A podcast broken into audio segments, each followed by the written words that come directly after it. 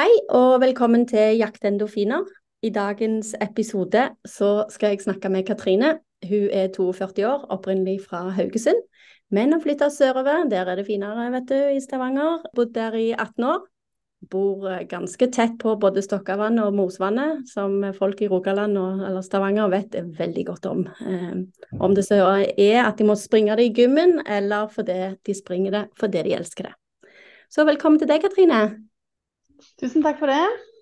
Du løper du òg, sånn som meg? Ja, ja. Glad for det. Jeg har blitt en løper. Hvem skulle Ja. trodd det? Kanskje du forteller litt om deg sjøl? Ja, jeg er 42 år. Fra Haugesund, ja, men nå trives jeg veldig godt her i Stavanger. Godt Jeg har to barn, to jenter som er 9 og 11. Så jobber jeg med mat, trygg mat. Det er veldig spennende. Jobber fullt. Ja, og så har jeg funnet løpegleden. Så bra. Jeg Er elsker å trene, og holde meg i bevegelse så mye jeg kan egentlig, for vi sitter jo så mye stille og har liksom litt sånn late liv i den moderne verden, så det, det å komme seg ut i bevegelse er veldig viktig for meg da. ja. Har du sprunget lenge? Det er vel tre år nå, så det er ikke så lenge. Nei. Men nå før vi snakker om det, så skal vi gå enda lenger tilbake i tid. For når du var liten og gikk på barneskolen og ungdomsskolen, drev du med noe aktivitet da? Ja, jeg prøvde jo litt forskjellig, sikkert sånn som mange andre, men noe atlet var jeg aldri. Jeg hata gymtype. Jeg var den som ja, ble valgt sist i gymmen, kjente ikke noe mestring, grudde meg til gymtimene og ja, det var litt sånn. Men jeg gikk nå på turn, og dansing likte jeg, speideren. Mm. Men eh, ja, jeg fikk nå påvist da når jeg var 15 år at eh, jeg var, hadde sånn hjerterytmeforstyrrelse. Så det var en forklaring da på hvorfor jeg kanskje Noen trodde jeg var lat eller bare dårlig form, eller at jeg ikke fikk til dette. Så fikk jeg sånn ablasjon av den hjerterytmen da jeg var 14-15. Og etter det så fikk jeg bygd opp litt form. Hva er abl... Hva vil du kalle det? Ablasjon. Ablasjon. Hva er det? Da brenner de vekk eh, led, ekstraledninger i hjertet. Da hadde jeg noen ekstraledninger som kunne gi meg sånn 200 pund puls innimellom, så jeg drev og svimte av hyppig og våkne, kunne våkne opp med 200 puls. Så det var Oi. veldig ubehagelig da. Ja, det kan jeg prøve å forstå. Jeg kan ikke forstå. Men eh, det, ja, fytt. Men det var jo bra de fant ut av det, da. Ja, det var veldig godt. Så etter da i, i senere ungdomsår og i 20-årene så trente jeg ganske mye Mhm. og var aktiv og bygde opp formen, ja. Ja. Men jeg fant aldri noe løpeglede, nei, selv om jeg prøvde. Ja. For, men hva var det som drev deg når du begynte med aktivitet? og var det fordi at du, du kjente at eh, her, her må jeg ut og utforske ting, eller var det, var det venninner som drev med noe som du ble med på?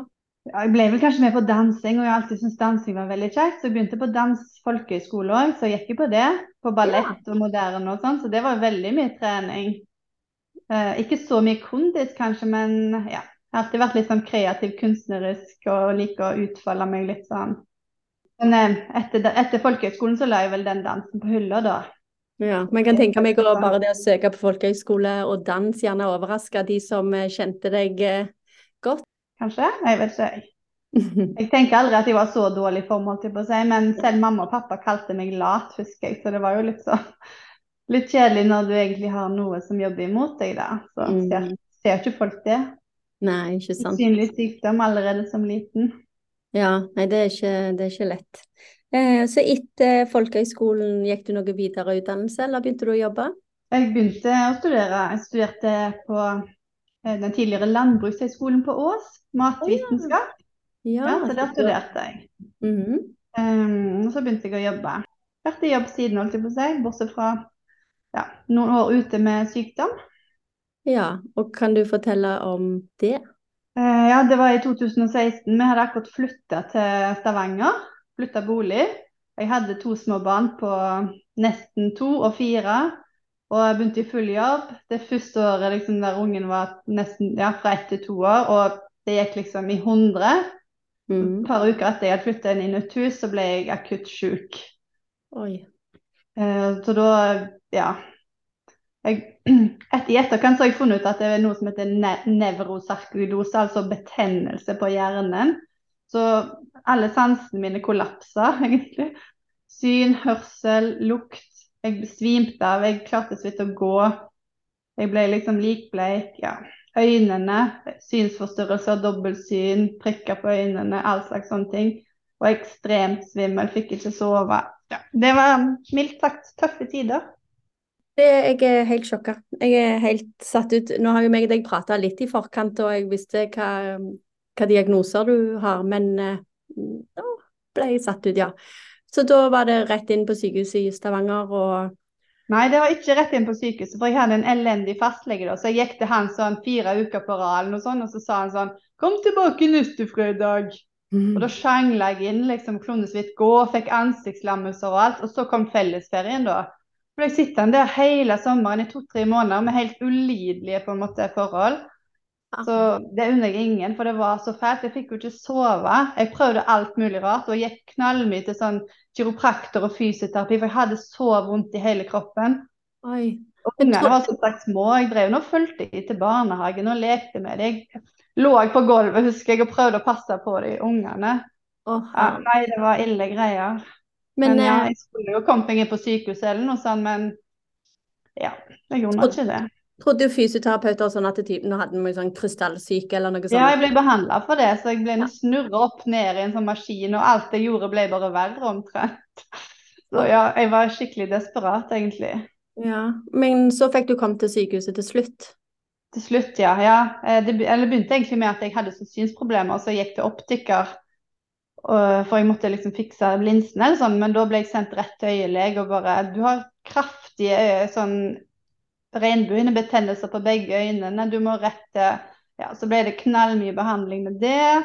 Så mistenkte de sarkoidose, da, som er en sånn multisystemisk slags immunsykdom som kan ramme lunger, hud, hjerte, eh, muskler, ja, eh, hjernen. Det kan ramme veldig bredt. da, så Mm Hos meg har de påvist at det sitter i lungene, øynene og litt i lymfesystemet.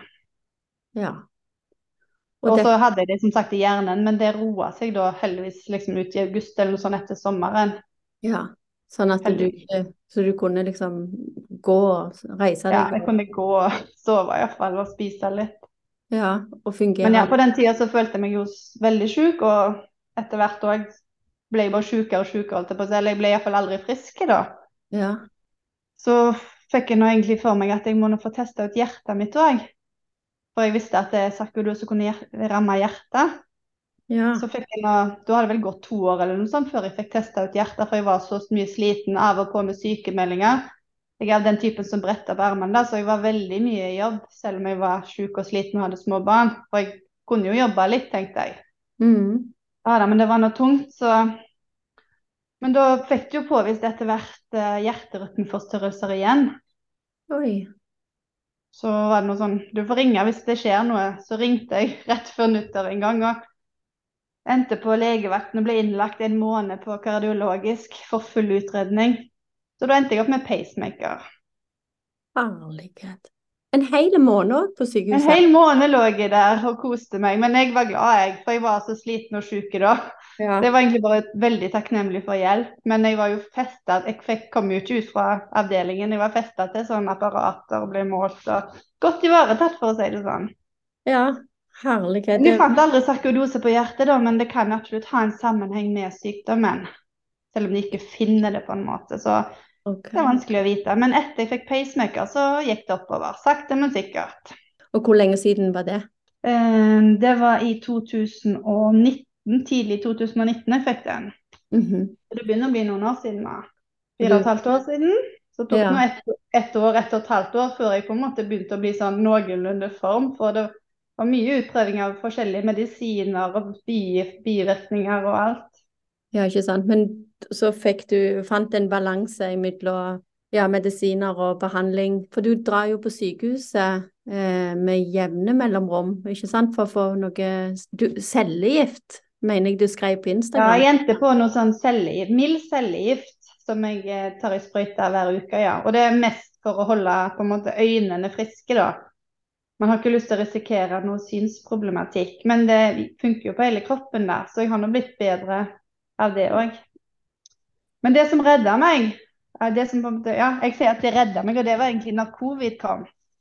Ja. Da var det ett år, et år omtrent siden jeg hadde fått pacemaker. Det hadde vært et tøft år egentlig pga. jobb og stress. Så skulle prøve å rekke over alt her i livet, men så kom covid, og det ble jo veldig rolig plutselig i hele landet. Ikke noe reising, ikke noe forkjølelser, ikke noe selskap, ingenting. Det var bare til å holde seg hjemme. Og da bestemte jeg meg, for da hadde jeg faktisk kommet over i AAP. Da hadde jeg vært så mye syk. Å, Av og på med sykemeldinger og sånn, for det var jo vanskelig å holde det fullt oppe. Kan du ikke fortelle hva AAP er, for det er ikke alle som vet det hvis Ja. de ikke har noen Eh, nærmere Det er noe som heter arbeidsavklaringspenger. Som når du har vært en viss tid i sykemelding, så må, går du over på arbeidsavklaringspenger. mm.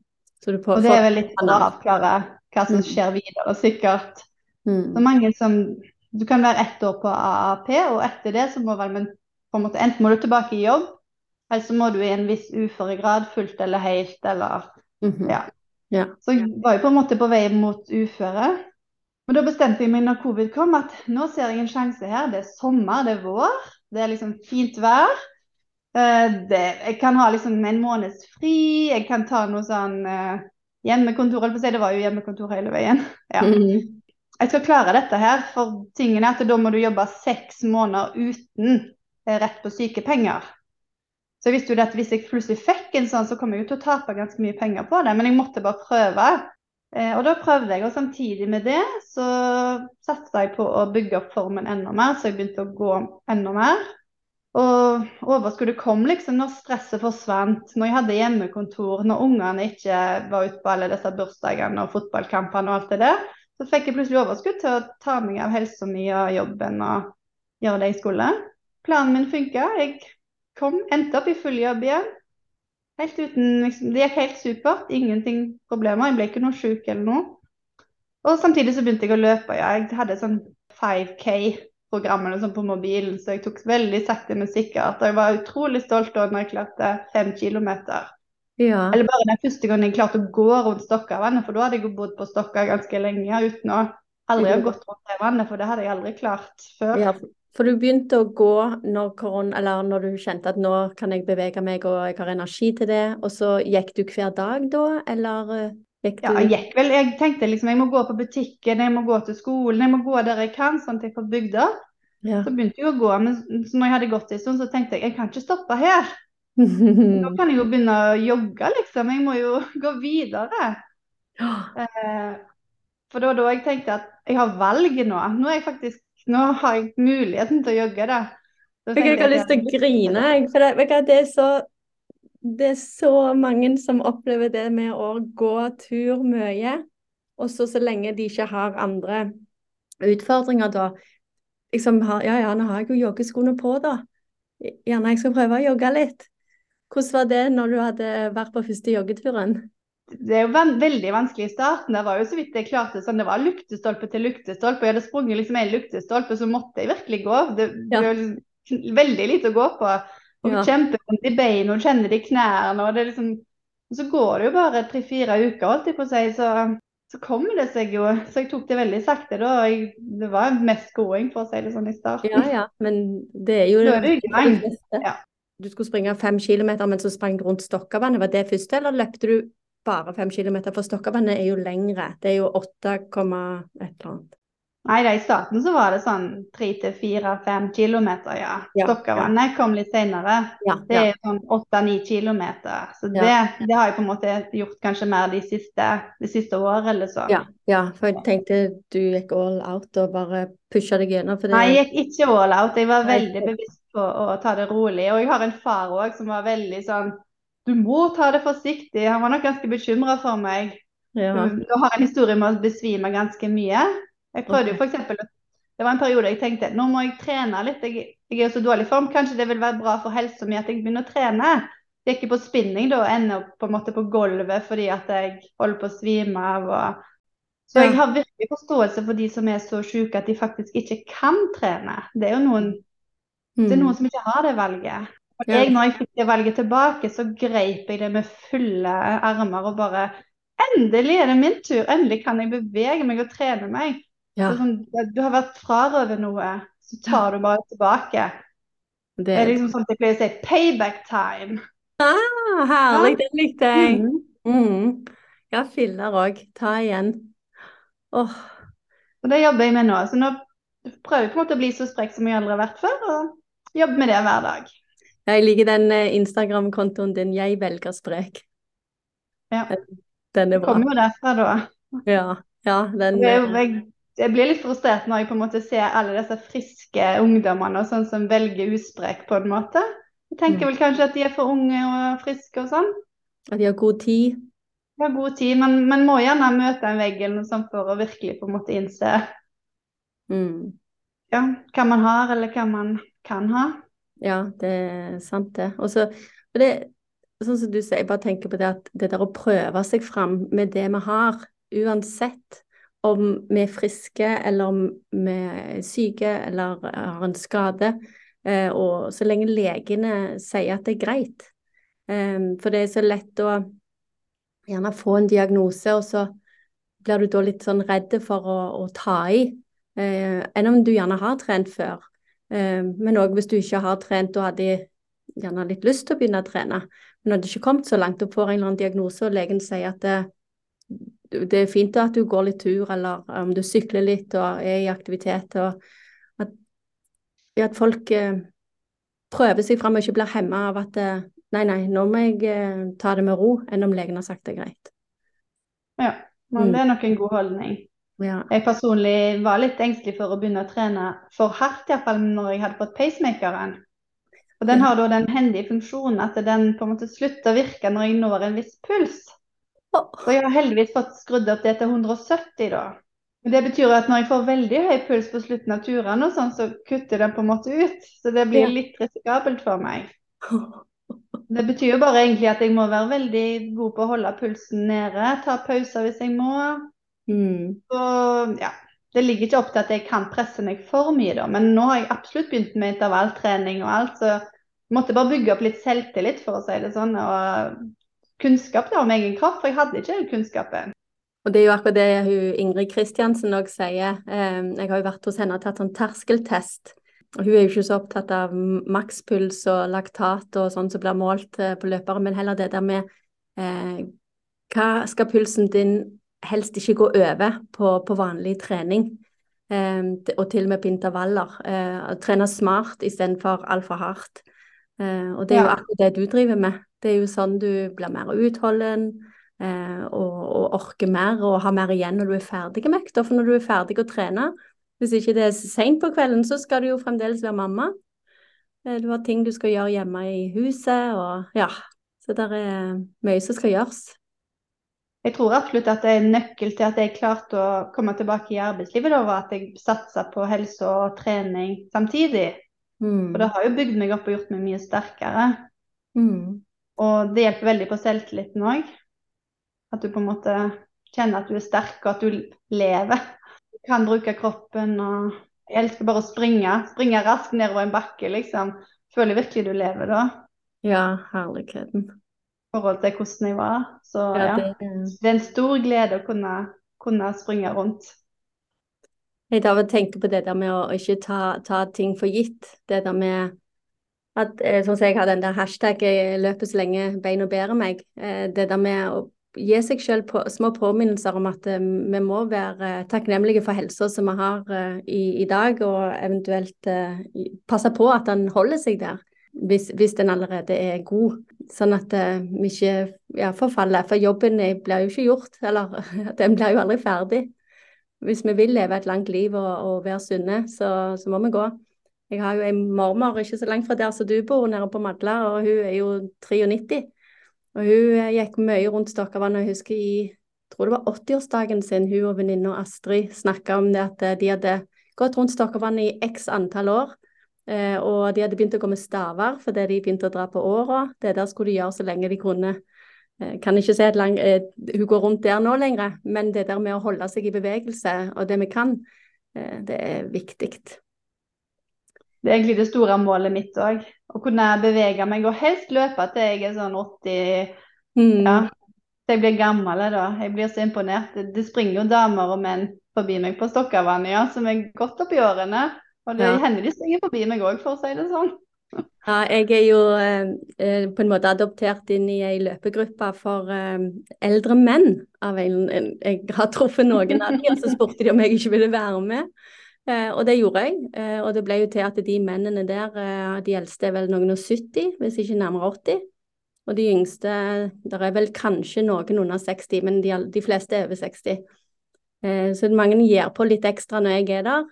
Eh, men eh, det er så herlig å se de springe, og jeg er i baktroppen nok en gang. Det er uansett hvem jeg springer med. Men det gjør meg ingenting, og de liker å ha meg med, for det, da gjør de en ekstra innsats. For det er jo ei dame i gruppa som ser på dem.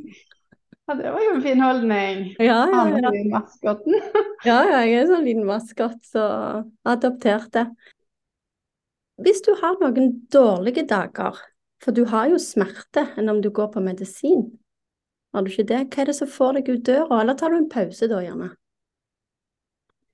Uh, ja, Godt spørsmål. Det kan vel variere litt etter dagsformen, da. Jeg er nå relativt flink til å holde trykket oppe.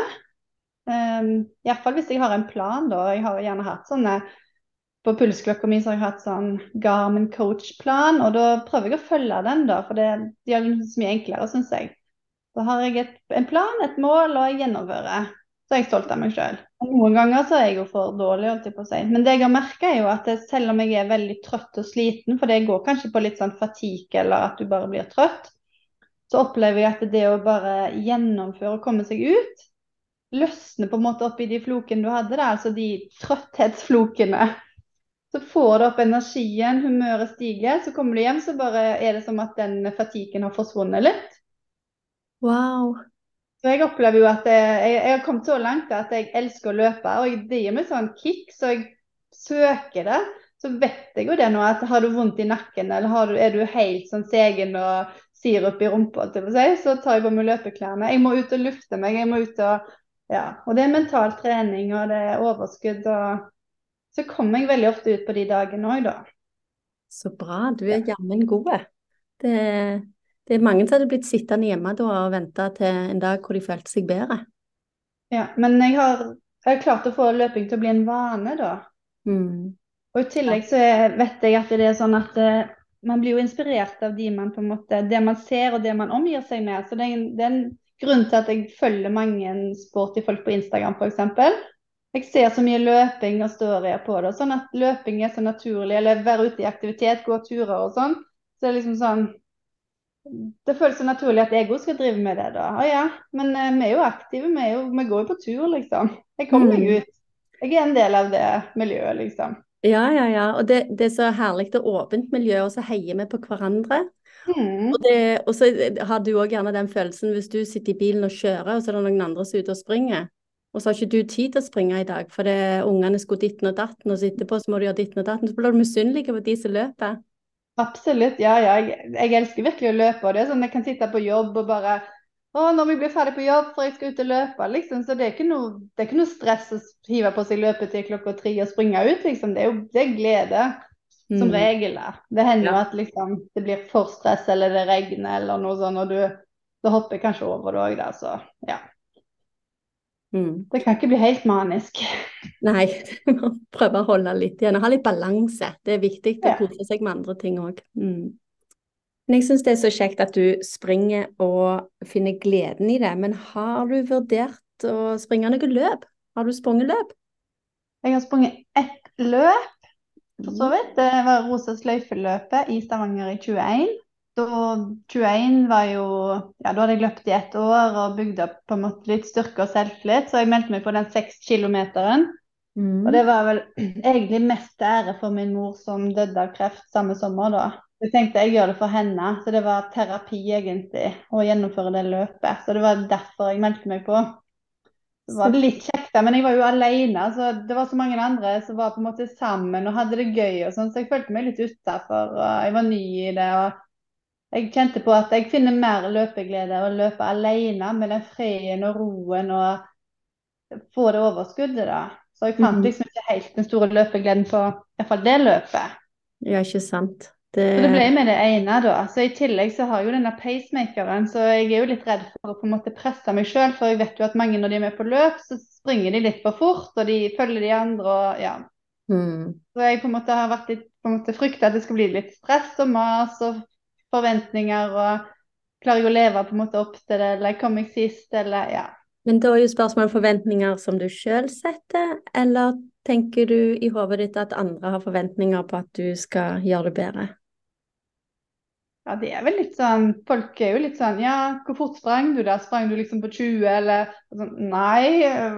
Jeg vet ikke, folk kan si så mange rare ting òg. Ja, så løper vi jo alle veldig forskjellig, og jeg, jeg konkurrerer jo mot meg sjøl, da. Ja. Og Det er derfor jeg kjenner at på en måte Jeg ser på de løpene som konkurranser, da. Det jeg skulle si, der jeg på en måte taper. Så det er det som jeg, jeg har litt feil attitude, kanskje. Enn så lenge. Men jeg har litt lyst til å være med på løp. Da, så det begynner å bygge seg opp. Og når jeg ser de andre med, så kjenner jeg jo Og det har jeg jo lyst til. Jeg er løper. Jeg, jeg ville elske å være med. Så ja. jeg er en modningsprosess, kan du si. Ja, Men har du noen venninner som springer? Nei, jeg har ingen. Jo, jeg har noen, faktisk. Ja. Men eh, de er visst litt sprekere enn meg. Ja, men kunne gjerne meldt dere på sammen og stopp med starten, eller hvis, er, hvis, de er opptatt av å stå i riktig pulje, så si ha det rett før, og så splittes opp. Ja, du er jo med. Jeg har en svigerinne faktisk som har snakket om å løpe KK-mila nå i Oslo. Ja. ja. Og så vurderer jeg litt å melde meg på fem km på Stavanger maraton. Det... Bare fem kilometer kanskje, men det er nok for meg. Herligheten, det er jo langt, eh, langt nok det. det. det. er en bragd i seg selv å, å springe uh, over tid, og så aldri glemme at det er ikke skam å gå. Uh, for det går vi for hardt ut, så er det veldig greit å kunne gå. Og det, vi fullfører løpet med en løper for det. Men du kunne ikke Absolutt. Og jeg, jeg, må jo faktisk gå da hvis jeg springer for hardt. Ja. Jeg har ikke lyst til å risikere at pulsen kommer så så mye over 170, da, for da risikerer jeg å bli veldig svimmel og ja. uvel. Det er viktigere å kose seg gjennom en løype enn å bli dårlig og syk. Og, ja. Ja, men det, hvis jeg hadde meldt meg på, så hadde det bare vært for gøy, da. For å ja. gjennomføre, for å komme i mål og kjenne på den gleden og få en medalje og bare yeah, mm. I did it. Ja, ja, ja. Det... Jeg ville ikke hatt noe sånn tidsmål. Jeg er ikke det. Nei. Jeg tror det er viktig å kose seg. Jeg tror det, det er jo det det, det det, er om, ja.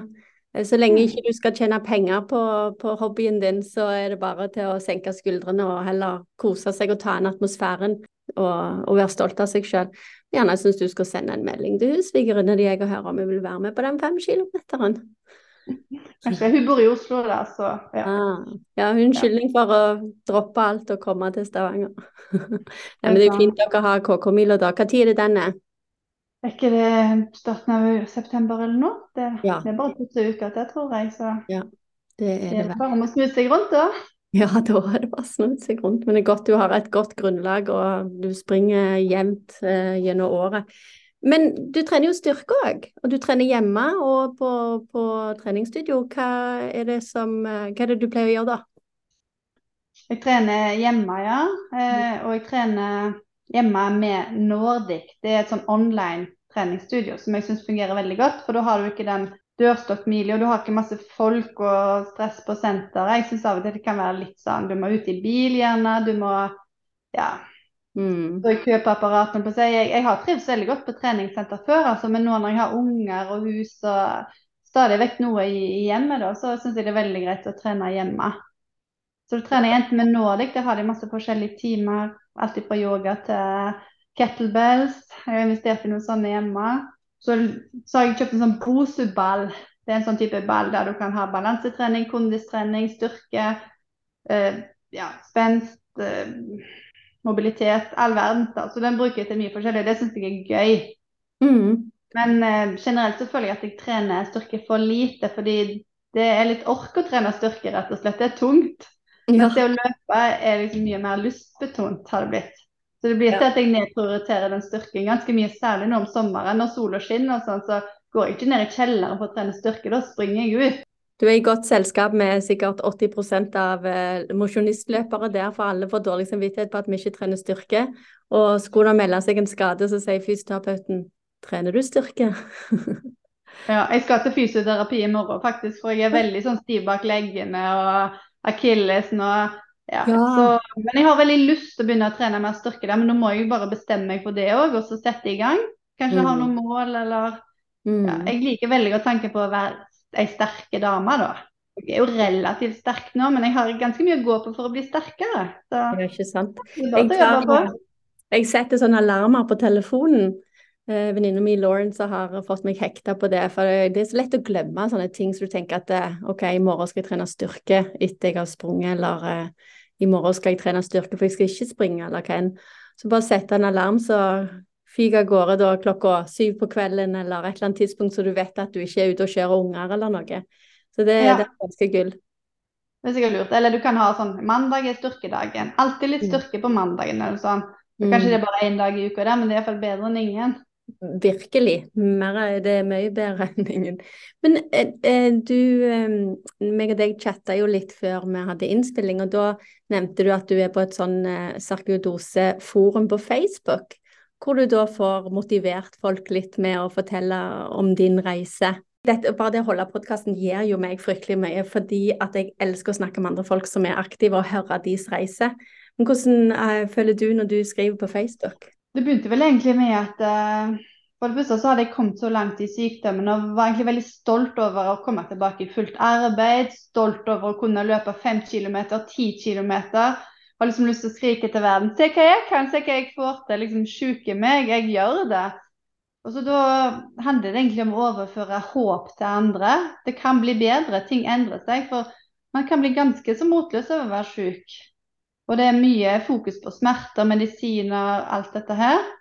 Mm. Men nå, nå når jeg har funnet den treningsgleden, så er jeg så opptatt av at uh, trening er medisin.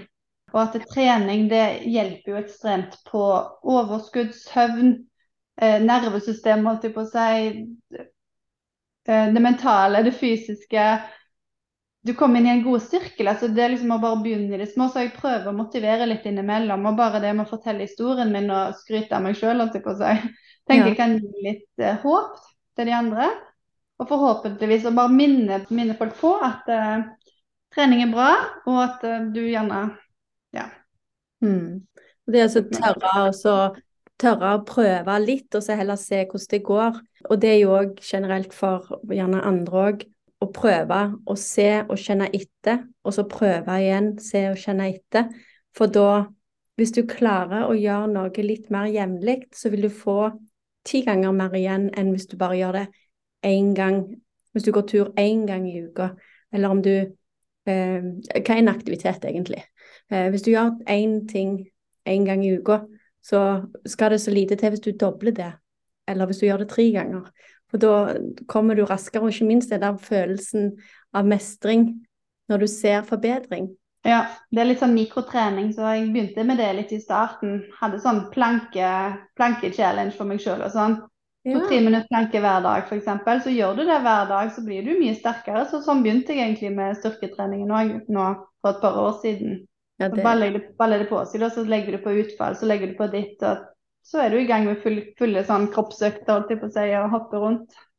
ja, og det som er så fint òg nå, eh, for oss som har blitt voksne med etter internett kom, er jo det at du kan jo bare søke på det på YouTube eller bare på internett, og så kommer det opp forslag på treningsøkter. Der er jo, folk sprer det jo så bare det. Så det, det trenger jo ikke koste penger heller. Absolutt ikke. Så her en dag hadde jeg Bosu-trening på hjemmegym- hjemmegymmen, ja. Eh, Mm. på hjemmekinoen. Da hadde jeg storskjerm nede i kjelleren, Boseballen og matta, og litt musikk utenom, og koste meg for meg sjøl. Det var kjekt, det. Ja, og så er det litt viktig òg at ungene ser at eh, vi er aktive enn om det er smerter i, i hverdagen. At vi Det stopper oss ikke. Jeg har jo unger på 17 og, og 14, så jeg håper at jeg har ungene er takknemlige for at jeg viste at det, det går an. Eh, Gjerne det, at de er takknemlige for det når de blir eldre. Akkurat innen den alderen de er i nå, så ja, vi vet hvordan det er å være ungdom. Jeg vil anta at du er et, et løpeforbilde for det, ja, du må jo nesten være det. Ja, Det det, er fall en veldig naturlig ting, da. Fordi at Mm. løping, det er noe man gjør uansett. Ja, det er sånn de, Når jeg sier ha det, så kan de på uansett hva tid på døgnet spørre skal du ut og løpe. Men det er liksom om jeg bare skal i butikken. Mine unger sier faktisk 'du løper for mye, mamma'. Ja. Fordi ja, De vil vel helst at de skal være litt og passe mer på de, eller ta de med. Men da sier jeg bare nei, men jeg må ut og løpe. Dere går på trening, og jeg går på trening. Ha det bra. Litt kjekkere å ha med etterpå. Ja. Ja. Mamma trenger trening. Ha det bra. Ja. Jeg eh, vil takke deg for, å, for at du ble med på episoden, og at du takka ja for å være med på podkast. Det har vært veldig hyggelig å være med. Det var en ære å bli spurt. Jeg vil takke, takke deg for at jeg fikk lov til å være med, og takke deg for at du er en sånn inspirasjon både på Instagram og du har motivert meg, holdt på å si. Du har, du har fått meg til å innse at det er bra å være en sånn eh, baktropp eller en skilpaddeløper. Mm. Først når jeg hørte deg fortelle om det, at jeg innså det var en ting i det hele tatt. For jeg trodde jo at det var noe veldig skamfullt eller dårlig eller ting vi ikke snakket høyt om. Så innså jeg det at det kan jo være kult. Så ble jeg plutselig stolt over å være en sånn skilpaddeløper sjøl, da. Å ja, det er kjekt å høre. Da, har jeg, da vet jeg om én person jeg har inspirert. Du har sikkert inspirert mange, men ja, du inspirerer iallfall meg. Jeg blir inspirert av veldig mange jeg hører og ser. Nesten alle Mm. på seg som er aktive, så får jeg noe inspirasjon. Ja. Og da, nå kan du jeg fikk være med. Jo, bare hyggelig. Og så gleder jeg meg å følge, eh, følge deg framover etter nå som vi har sett hverandre ansikt til ansikt på Zoom. Eh, og så snakkes vi plutselig. Jeg er jo plutselig i Stavanger, og da skal jeg kikke etter deg. Du får gjøre det. Ta en tur rundt Stokkavannet. Ja. Da vil jeg òg takke for de som har lytta på dagens episode. Husk å abonnere eller følge ut ifra hvilken app du er inne på når du hører, om det er Apple, Google eller Spotify. Legg gjerne igjen en kommentar og en eh, stjerne eller to, eller tre, eller fire, eller fem. Eh, og ta gjerne kontakt med meg på Instagram hvis du har forslag til gjest. Så vi høres!